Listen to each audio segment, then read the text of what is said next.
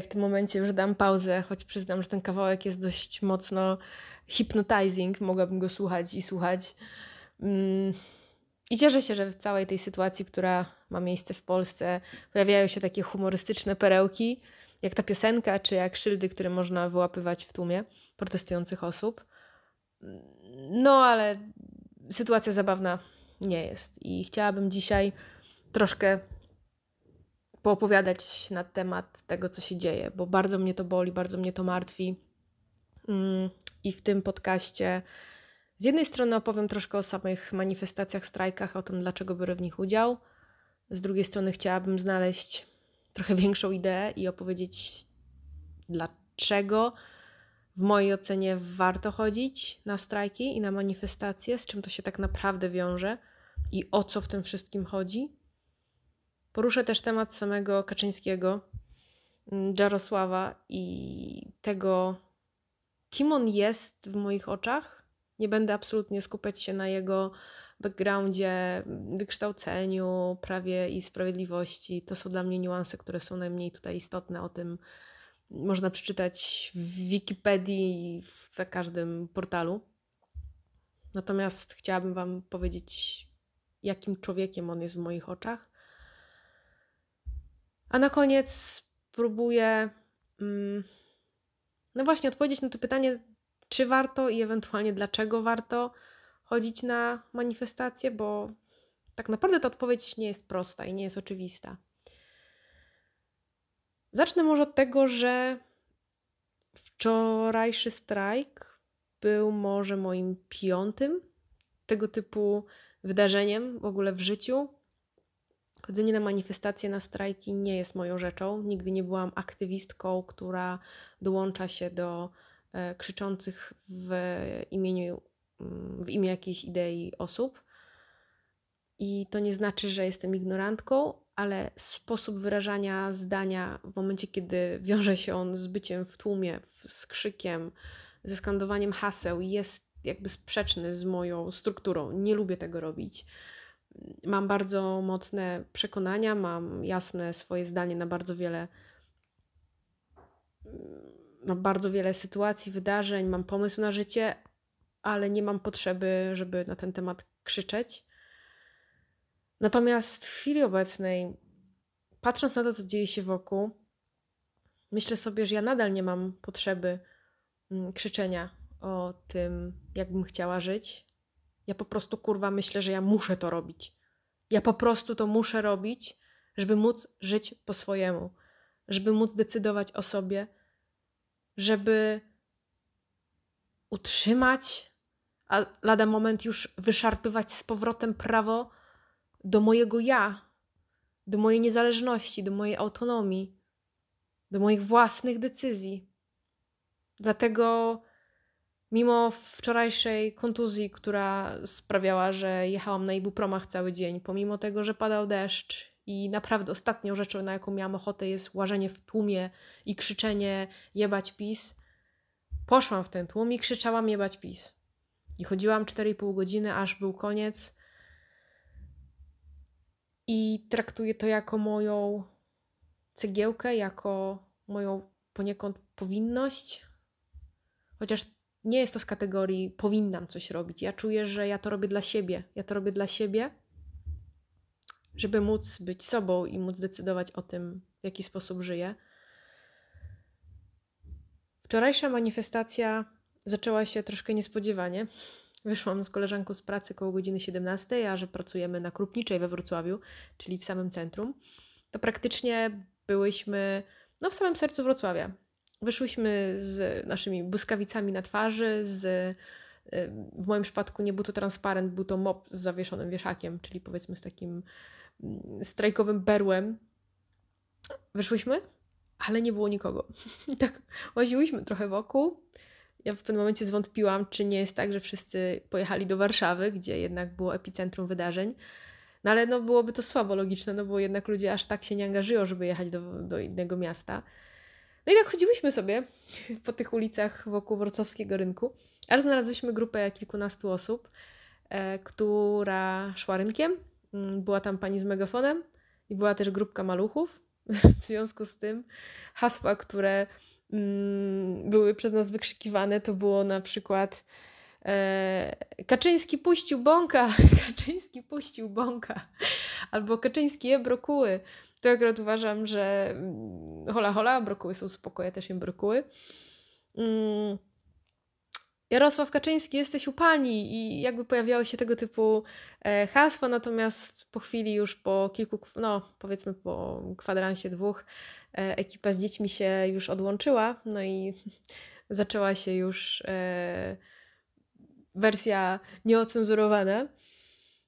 Przyznam Wam, że ciężko powiedzieć, że jest to plus, no ale no wiecie, każda sytuacja ma plusy, nawet ta najgorsza. W momencie, kiedy w, pojawia się jakakolwiek forma cenzury, mm, to widzę plus tej sytuacji taki, że przekazy, które są budowane, są naprawdę niezłej jakości. Teksty, które powstają w momencie, kiedy jest cenzura, lub w momencie, kiedy społeczeństwo staje się poniekąd uciśnione, mm, no te teksty mają jakość, której na co dzień nie widzimy. I to też widać na szyldach.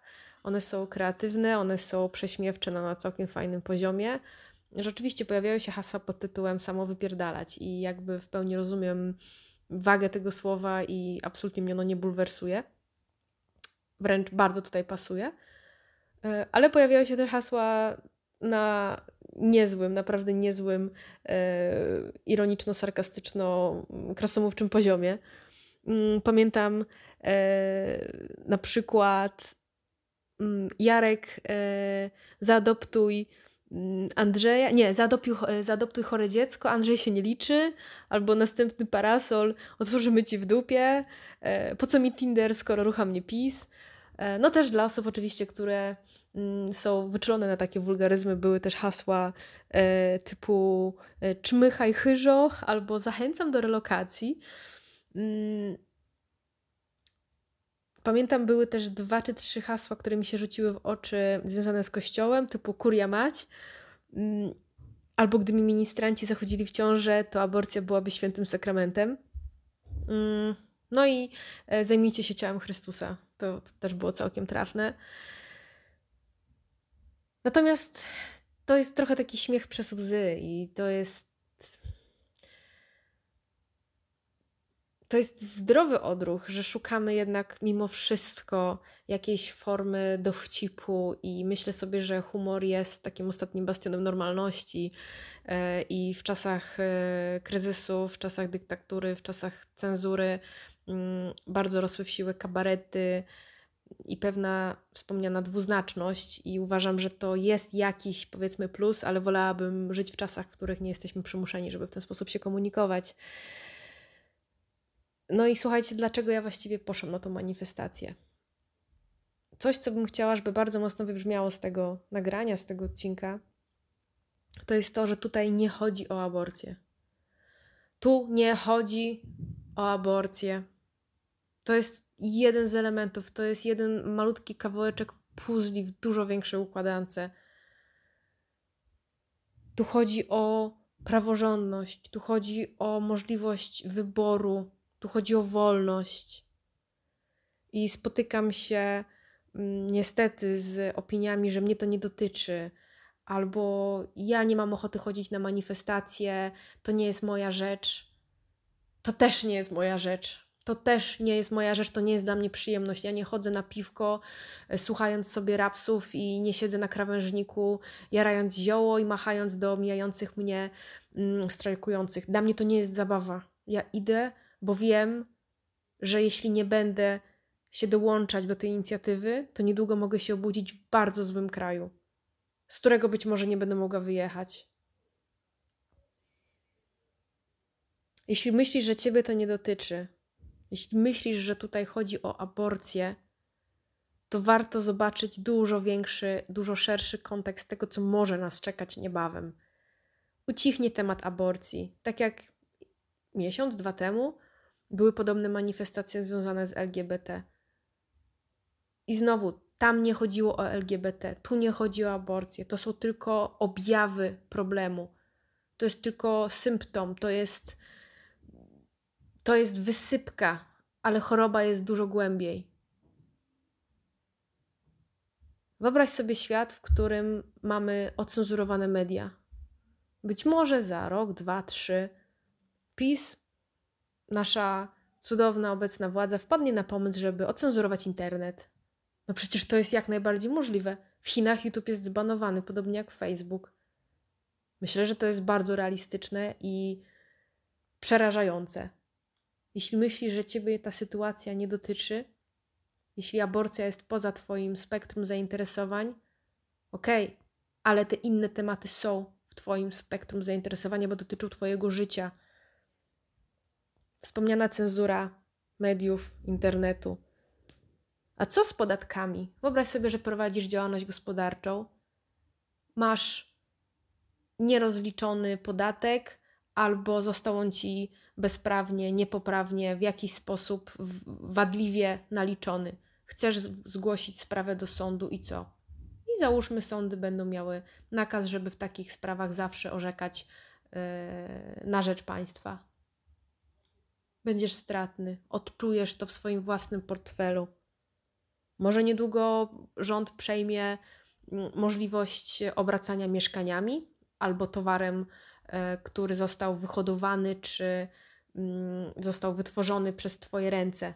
Mówimy już o pewnym nacjonalizmie i o tak naprawdę przejmowaniu towaru przez państwo, ale to jest możliwe, to jest jak najbardziej możliwe. Idąc dalej, jeśli chodzi o aborcję i bardziej tutaj pokrewne tematy in vitro, już się pojawił pomysł, żeby zabronić in vitro. Już nie mówimy nawet o dofinansowaniu, ale w ogóle, że ma być zbanowane, zakazane. Dla wielu par to jest jedyna szansa, żeby móc mieć dzieci. A co ze środkami antykoncepcyjnymi? Myślę, że bardzo realne byłoby też to, że rząd pójdzie znowu o krok dalej i okaże się, że antykoncepcja jest również nielegalna. Świetnie. Cudowna wizja. Kolejne elementy to chociażby kultura, przekaz, telewizja, niemożność wyrażania siebie, będziesz chciał napisać coś na Facebooku, twoje posty będą usuwane.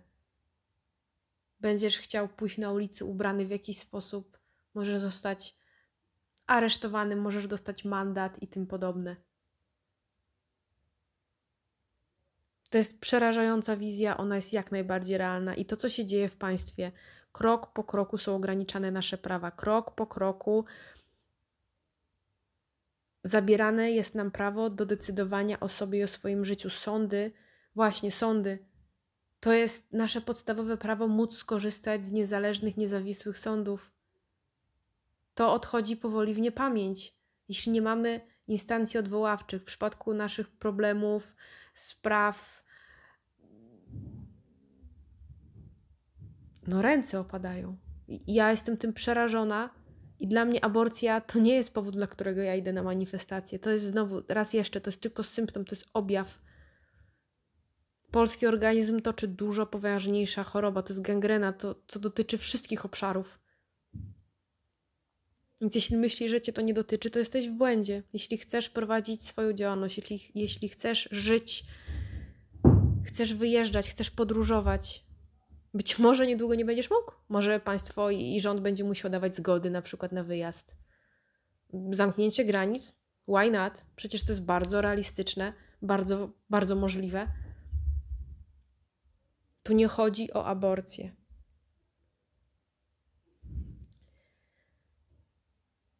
Zahaczę na chwilkę o temat aborcji, bo jakkolwiek cała trwająca sytuacja jest dla mnie mm, pewnym wierzchołkiem góry lodowej, no to sama aborcja też jest tematem, który mnie dotyka.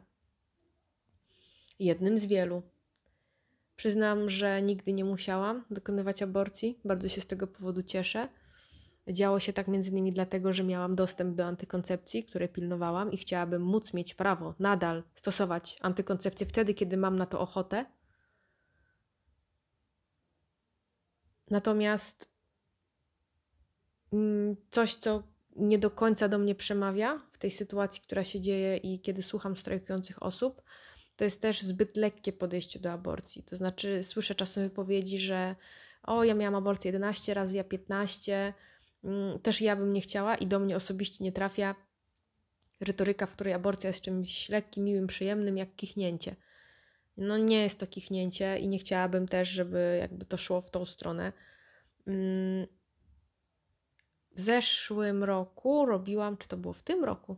Mm, chyba w tym już, na, na początku tego roku robiłam wywiad z ginekologiem e, www.ladiesgaga.pl. Znajdziecie tam wywiad e, dwuczęściowy z lekarzem, który mm, w latach 90. dokonywał e, we Wrocławiu w Polsce aborcji. To jest lekarz cholernie doświadczony, poprosił anonimowość, natomiast opowiedział mi o tym, w jaki sposób e, te zabiegi odbywały się w momencie, kiedy aborcja była całkowicie e, prawnie mm, dozwolona. I faktycznie no, jest ryzyko takie, że wróci, że mogłaby wrócić sytuacja z tamtego czasu, kiedy kobiety traktowały aborcję jako zamiennik antykoncepcji. Ups, zaszłam, no to idę usunąć. Tego bym nie chciała ale nie zmienia to faktu, że chcę mieć wybór i uważam, że to jest moja decyzja. To jest tylko i wyłącznie moja decyzja. Nie, ta wizja, że państwo wpływa na to, co dzieje się w mojej cipce, jest. To jest jak drut kolczasty, który mam owinięty wokół macicy, wokół bioder. To jest. To rani moje ja. To jest tak podstawowa rzecz, móc decydować o tym, czy chcę być matką i w jakich warunkach chcę być matką. Naprawdę są momenty, że brakuje mi słów, żeby ten absurd i to ten ciężar buta, który czuję na twarzy, takiego wojskowego, militarnego, uwalonego błotem i olejem buta, jak, jak bardzo ja go czuję na policzku. Czuję się, jakbym była rozjechana na policzku albo na brzuchu, na podbrzuszu. Tak to widzę. I po prostu wypierdalać od mojego brzucha to jest moja sprawa. I nie mówimy tutaj tylko o sytuacji, w której moje dziecko miałoby nie mieć mózgu i byłoby w stanie e, bardzo złego zdrowia, nie dającego szansy na przetrwanie po porodzie. Ja mówię ogólnie o każdej sytuacji, w której jestem w ciąży. Być może miałabym świetną sytuację e, finansową, rodzinną, e, zawodową, życiową, mieszkaniową i tak dalej. I nadal mogę nie chcieć być matką, tak jak miało to miejsce w przypadku Natalii Przybysz i jej mm, aborcji, którą się podzieliła i opowiedziała o tym w niejednym wywiadzie. To jest indywidualna kwestia. Każda z nas ma prawo żyć jak chce, każda z nas ma prawo być matką lub zadecydować, że już więcej nie chce być matką, nawet jeśli to dziecko jest zdrowe, nawet jeśli potencjalnie byłoby zdrowe. Wiecie co, jak to mówię, to mam wrażenie, że mówię o tak oczywistych rzeczach i to, to jest dla mnie tłumaczenie takich podstaw. Tak, tak, takich podstaw do podstaw. To jest taki elementarz wolności. No ale skoro mowa o elementarzu, no to wspomnę jeszcze o tych wieszakach, bo ostatnio mm, znajomy, jak się okazuje, właśnie nie wiedział skąd y, tak naprawdę wieszak jest wśród y, wizerunków i, i, dlaczego wieszak znajduje się na szyldach i stał się takim symbolem ruchu y, związanego z prawem do aborcji. No, wieszak był po prostu stosowany jako narzędzie do, powiedzmy, domowej aborcji, takie DIY, tak? Do it yourself. I jeszcze w latach 50. w Stanach do szpitala trafiały kobiety mające wbity wieszak w, w pochwę, a, a niekiedy w, w. I dlaczego wieszak? No bo ma kształt, który teoretycznie umożliwia łyżeczkowanie, czyli no, no, wydrapanie, czyli tą skrobankę tak zwaną. I stąd wieszak, a nie inne przedmioty. Chociaż inne przedmioty też były stosowane Kobiety stosowały szprychy rowerowe, e, patyki, śrubokręty, nawet e, kurze kości. Widzicie, do tego jest w stanie doprowadzić się kobieta, która jest zdesperowana i która po prostu nie chce być matką z bardzo wielu różnych powodów i ma święte prawo decydować o tym, co się dzieje w jej ciele i z jej życiem. Czytałam kiedyś też o czymś, co mnie osobiście strasznie poruszyło. To będzie może nieco drastyczne, natomiast no to jest życie i życie w tym obszarze bywa drastyczne. mm, w Afryce mm, jedną z metod y, aborcji mm, jest wykorzystywanie rośliny, która wygląda troszkę jak polski oset.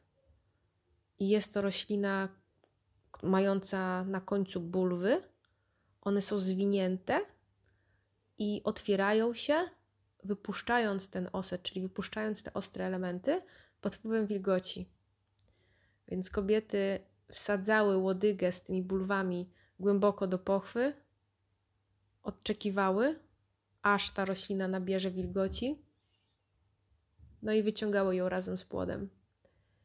Z płodem, z komórką, z dzieckiem, z zarodkiem, z, z potencjalnym dzieckiem. Ja nie lubię też słowa na przykład dzieciobójczyni, no bo to już jest inklinacja tego, że e, płód jest dzieckiem, dla każdego ta definicja może być inna i oczywiście są definicje prawne, są definicje medyczne, ale definicja ideologiczna, koncepcyjna, w którym momencie płód, komórka e, staje się dzieckiem, to już jest kwestia indywidualna, więc jakby mówienie takimi słowami jak dzieciobójczyni to jest dla mnie level pudelka, który zawiera już ocenę i zawiera już mówienie, czym dana rzecz jest i, i tego bym, znaczy znowu mam poczucie, że mówię o oczywistościach, taka, taka nomenklatura właśnie jest, no jest poziomu PiSu.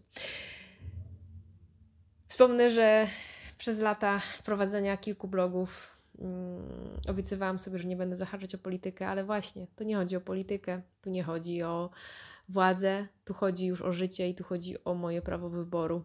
Dlatego bardzo mocno zaangażowałam się w tą całą akcję i przyznam Wam, że to, co się dzieje przez ostatnie lata, miesiące, tygodnie, um, to jest pewna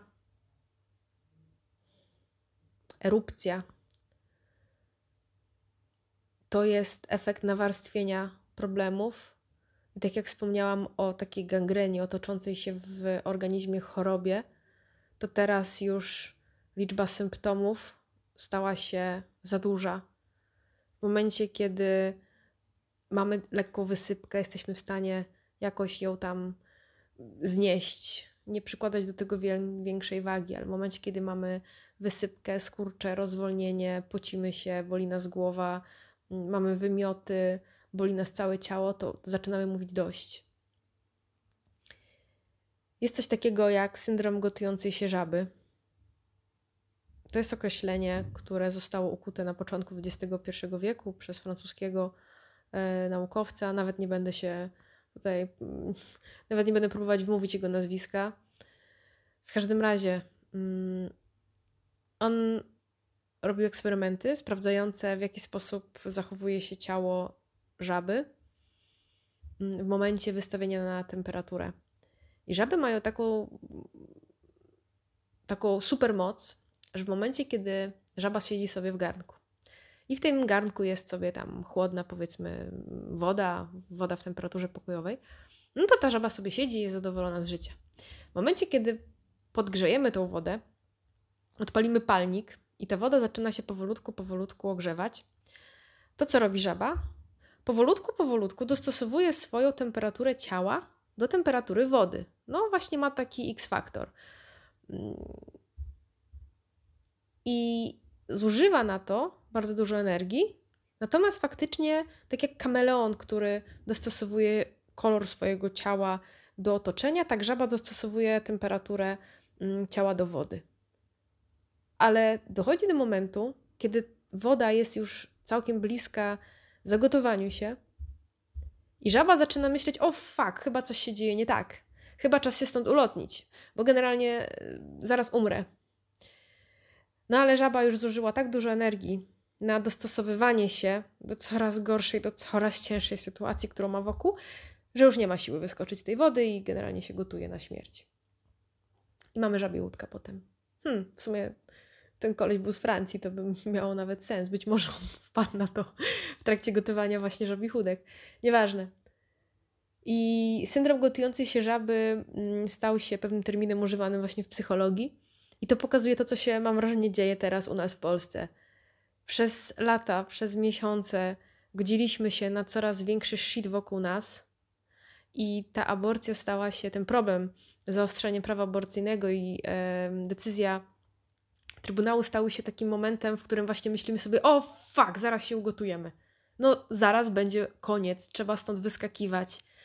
I ja bardzo, bardzo, bardzo życzę sobie, nam wszystkim, żebyśmy znaleźli tą jeszcze energię, żeby właśnie zawalczyć, bo żaba najczęściej w momencie, kiedy tak właśnie czuje ten moment takiego aha, jest to ocknięcie, to jest już za późno.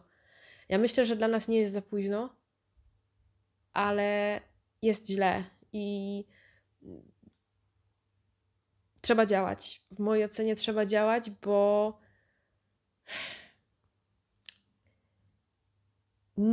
nikt z nas nie wie, co by zrobił, będąc w jakiejś sytuacji. Możemy sobie mówić, ja bym nigdy nie zrobiła aborcji, albo ja bym nigdy niczego nie ukradł, nie wyobrażam sobie tego, albo ja bym nigdy nie zabił, albo ja bym nigdy na nikogo nie podniosła ręki. Tylko potem sytuacja weryfikuje nasze własne przekonania, a im bardziej ekstremalna sytuacja, tym bardziej ekstremalne rzeczy jesteśmy w stanie zrobić. Pamiętam, kiedyś moja mama została bardzo niedobrze potraktowana przez e, mężczyznę, który ją poniekąd oszukał. Doświadczyła naprawdę dużej krzywdy z jego strony. Mm, I ja obserwowałam to z boku, jako jej córka, jako dorastająca kobieta. I pamiętam, że miałam bardzo silne przekonanie wtedy o sobie, że nigdy w życiu nie podniosłabym na nikogo ręki. Bardzo nie lubię do dziś agresji, krzyku. E, nigdy w życiu nie byłam obiektem ani świadkiem jakichś przepychanek u mnie w domu. Do takich sytuacji po prostu nie dochodziło. Ale pamiętam, pamiętam bardzo mocno sytuację, kiedy zobaczyłam mniej więcej po dwóch latach tego gnoja na ulicy, tego gnoja, który skrzywdził moją mamę. I pamiętam, że miałam moment zawahania, żeby podejść i mu po prostu go kopnąć w jaja. Ja tego nie zrobiłam. I tak naprawdę to, co on zrobił mojej mamie, też nie było na skali jeszcze mm, ekstremizmu w takim największym bagnem, jakie można zrobić. Ale wyobrażam sobie sytuację, w której on na przykład by moją mamę zgwałcił, zabił, poranił, nie wiem, oblał kwasem, podpalił. Mówimy o jakichś naprawdę ekstremalnych sytuacjach. Ja wtedy nie wiem, czy ja bym nawet nie chciała gościa zabić. I tak naprawdę mówienie sobie, ja bym czegoś nigdy nie zrobił, jest dla mnie objawem troszkę niższej takiej samoświadomości, no bo nie wiemy, co byśmy zrobili. Życie nie jest czarno-białe. Życie to jest potężna skala szarości. To nie jest 50 odcieni, to są tysiące odcieni szarości. I wmawianie innym, jak mają żyć, dyktowanie innym, jak mają żyć, to jest uwaga, uwaga, dyktatura. To jest jeden z objawów dyktatury. To jest jeden z objawów maniakalnej potrzeby kontroli i wpływania na innych ludzi. I tak przechodzimy bardzo płynnie, wpływamy niczym kaczka na bajoro na wątek Jarosława. Przyznam Wam, że ja nie śledzę i nie chcę śledzić polityki. Mm, nie śledzę tego, jakie najnowsze ustawy wchodzą, jakie projekty czekają na przegłosowanie i tym podobne. Najczęściej dowiaduję się o tym wtedy, kiedy mam się o tym dowiedzieć. A o Jarosławie chciałabym porozmawiać z trochę innej strony, z trochę innej perspektywy chciałabym na niego spojrzeć, właśnie takiej bardziej ludzkiej, bo przyznam Wam, że jego ostatnie wystąpienie, które yy, przesłuchałam, i które fragmentarycznie obejrzałam, mm, przypomina mi bardzo mocno wystąpienia znanych nam władców totalitarnych, dyktatorów. Mm, na myśl przychodzi mi od razu Lenin, Stalin, Hitler, Pol Pot i nie wiem, Mao. Ja mówię wiecznie Mao. Ja mówię wiecznie Mao władzy, kontroli, wpływu. To jest biedny. Dla mnie to jest biedny, mały, siwy człowieczek, który tak bardzo potrzebuje coś sobie nadrobić. Ja widzę w nim tak potężne sanie deficytów, tak potężny żal od niego wybija. Ja patrząc na niego, widziałam naprawdę biedotę maluczkiego człowieka. Abstrahując od faktu, że jest maluczkiego wzrostu, to jego zasób emocjonalny jest jeszcze mniejszy. On ma zasób intelektualny bardzo wysoki. Jest wprawnym manipulatorem, jest świetnym graczem, umie wyprzedzać o dwa, trzy kroki przeciwników.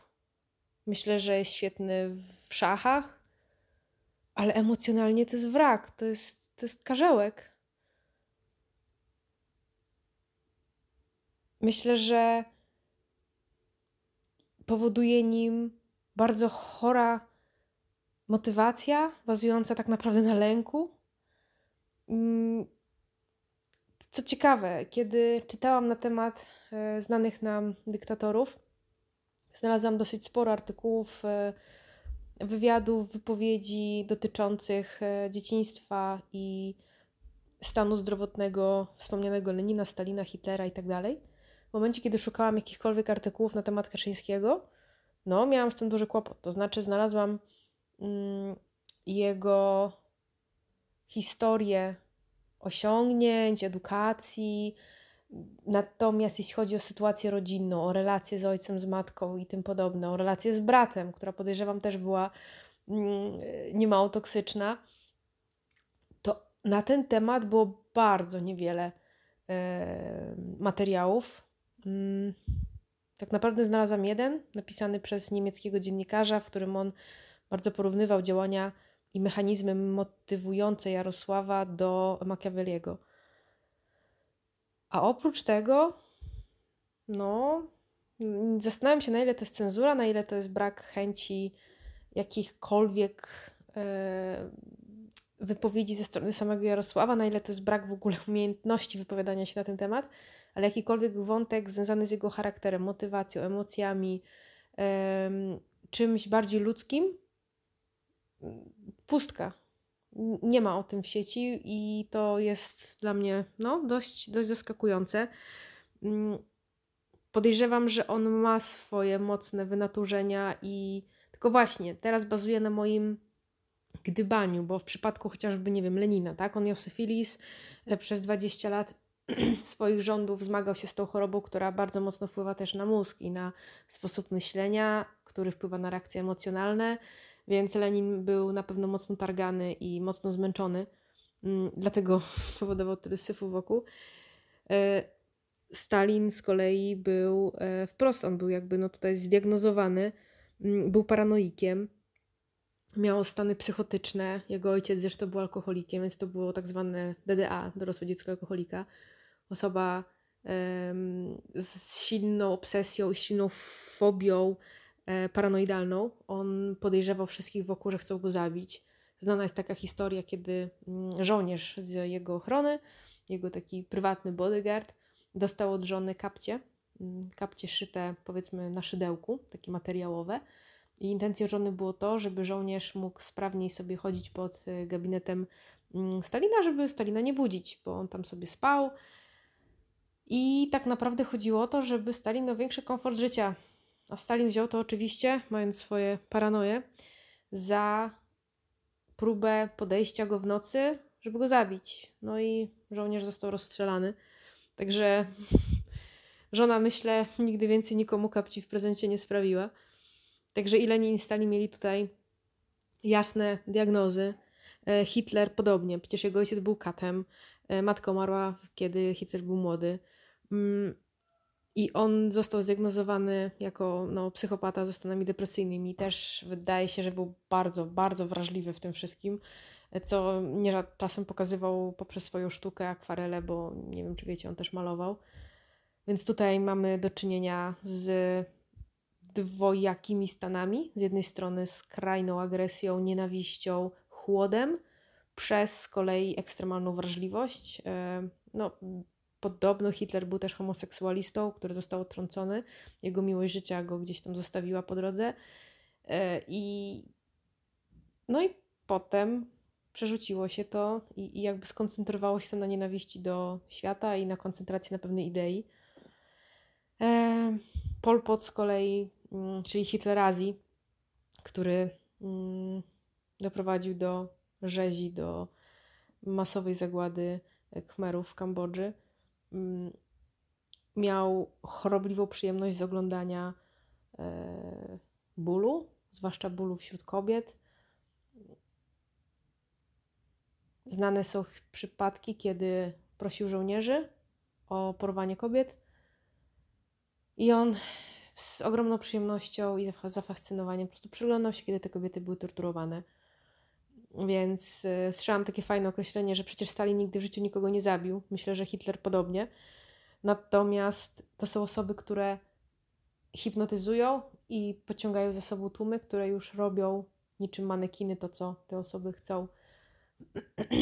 No i ubolewam, że nie widzę jakby wprost takich e, diagnoz skierowanych w stronę Jarosława. Myślę, że myślę, że on ma swoje za uszami i on w mojej ocenie, kiedy obserwuję jego wypowiedzi, obserwuję jego sposób patrzenia, on jest jak taka pusta kukła. Mm, kojarzycie, jak są w teatrach e, kukiełki, jak są teatrzyki kukiełkowe, mm, to tym kukiełkom rusza się kawałek szczęki. Nawet się mówi, że to są zmarszczki, jakby gdzieś tak e, kukiełkowe na twarzy, i jemu się rusza część buzi, wydobywając z siebie taki tępy dźwięk. W tym wszystkim ma takie zapadnięte, niepatrzące, takie, takie puste oczy. Jak dla mnie to jest człowiek, który bazuje tylko i wyłącznie na jakichś takich bardzo technicznych, intelektualnych przekazach. Jest wyrzuty z emocji. On jest no, taką próżnią.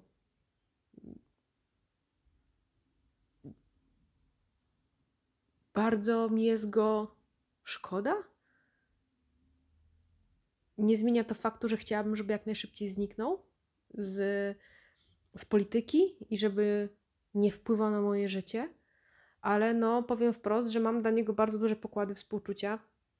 No, oglądałam się podobnych osób, będąc, e, biorąc udział w kilku grupach terapeutycznych w moim życiu i, i faktycznie tego typu mężczyźni mm, no, brali udział w takich grupach. I mam tutaj na myśli właśnie zwłaszcza mężczyzn, czyli osoby, które zdominowały mocno firmę, w której były, albo miały bardzo silnie rozbudowaną tą sferę mm, intelektualną, a w zakresie życia wewnętrznego miały jałową, suchą glebę i kiedy opowiadali o tym, co się dzieje u nich w środku, to nie byli w stanie zejść na żaden poziom emocji.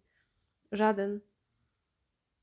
I to są osoby bardzo smutne, bardzo nieszczęśliwe, bardzo często cholernie lękowe.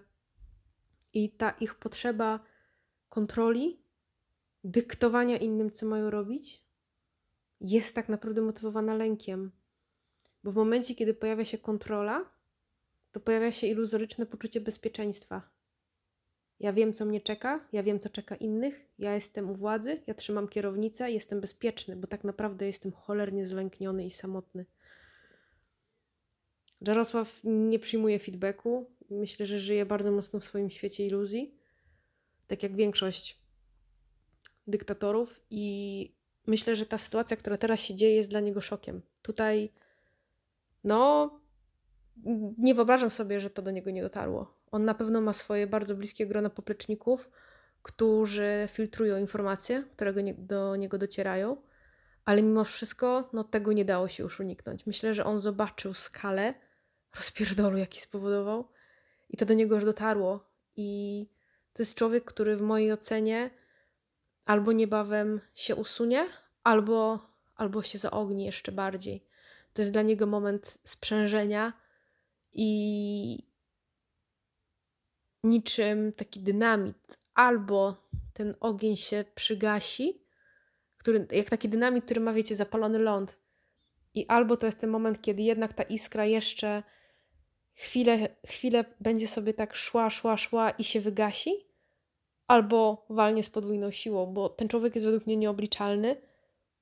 On nie ma innej motywacji niż władza w życiu. On nie ma żony, nie ma dzieci tak naprawdę to są najbardziej niebezpieczni ludzie. Oni nie mają nic do stracenia. Oni mają wszystko do stracenia, bo ich wszystko, ich wszystkim jest władza. Z jednej strony tego człowieka się obawiam, ale chyba jeszcze bardziej mi jest go szkoda. To jest skrzywdzony przez życie samotny, siwiutki, malutki, maluczki, nic nie czujący.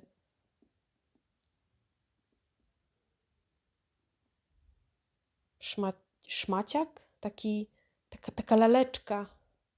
Taka biedna laleczka z latającymi bezwładnie rączkami, nóżkami, która raz na jakiś czas bierze, krzyczy i chce za wszelką cenę pokazać innym, jak mają żyć. Niestety historia pokazuje, że w sytuacjach kryzysowych, w sytuacjach kryzysu gospodarczego, społecznego, dyktatorzy dochodzą do władzy i ich siła wzrasta. Mm, też bardzo umiejętnie do tego doprowadzają. Znaczy, jeśli chodzi o samą taką, mm, jeśli chodzi o technikalia dyktatury, to władcom zależy bardzo, żeby e, no, zabierać biednym, dawać bogatym, czyli jest to taka odwrotność Janosika, mm, bo im większa jest rzesza osób biednych i, i, taka wierna rzesza bogatych wokół władzy, tym łatwiej sterować masami, rzucając jakieś ochłapy typu 500. Plus. Mm. No i lud, który jest biedny, który jest zlękniony, bardzo potrzebuje autorytetu, nadziei, obietnicy. No i wtedy, jak na białym koniu, wjeżdża silna władza, która odpowiada, która daje dofinansowania albo przynajmniej je obiecuje. W dodatku dyktatura bardzo często rodzi się oprócz wspomnianego, bazując oprócz e, na wspomnianym kryzysie gospodarczym czy kryzysie społecznym, też na strachu. I pandemia, która teraz się dzieje, jest cudowną, żyzną glebą do powstawania silnej, autorytarnej władzy. Myślę, że Jarosław bardzo dobrze to rozgrywa. I jest to dla mnie przerażające. Mam nadzieję, że mimo wszystko, mam nadzieję naprawdę, że mimo wszystko żyjemy już w trochę innych czasach i te doświadczenia i te sytuacje w historii Europy, kiedy dyktatorzy dochodzili do władzy, kiedy narastała cenzura, kiedy wolność jednostki była skrajnie ograniczana, to, to działo się jednak w innych czasach. Teraz mamy przede wszystkim internet i pewne rzeczy po prostu już się nie da cofnąć. Te informacje o tym, ile osób było w Warszawie, informacje o tym, ile osób było w, podczas strajku w innych miastach, hasztagi zbierające ludzi, poglądy, opinie, zdjęcia, filmy, mm, influencerzy, którzy robią robotę i szerują rzeczy, pokazują, dziennikarze, którzy mają dzięki temu na czym bazować. Tak naprawdę dziennikarzami jest każdy z nas. Dziennikarzem może być każdy, każda osoba, która jest na strajku, wrzucając treści, pomaga szerzyć informacje. W czasach 30, 40, 50 lat e, wstecz nie było takiej możliwości. I wtedy władza autorytarna, która dochodziła e, do sił, uciskała dziennikarzy, uciskała wolne media i te informacje nie dochodziły do zwykłego szarego Kowalskiego, nie mówiąc o mniejszych miejscowościach. Teraz, mając internet, mamy siłę przebicia i pewne rzeczy po prostu nie da się już cofnąć i nie da się schować pewnej skali niezadowolenia społecznego. I bardzo liczę na to, że to sprawi, że historia się nie powtórzy kolejny raz. Więc moi drodzy, w tym wszystkim, co się dzieje w Polsce, nie chodzi o aborcję. Mówimy strajk kobiet. Według mnie to jest strajk ludzi. Tu nie chodzi o aborcję.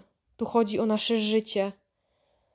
Tu chodzi i o aborcję, i o możliwość kochania osoby, którą kochamy.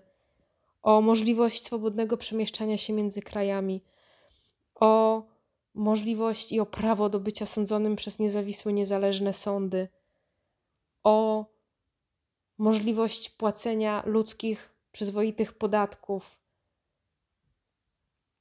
o możliwość chodzenia ubranym tak jak chcemy, o możliwość wiary w co chcemy.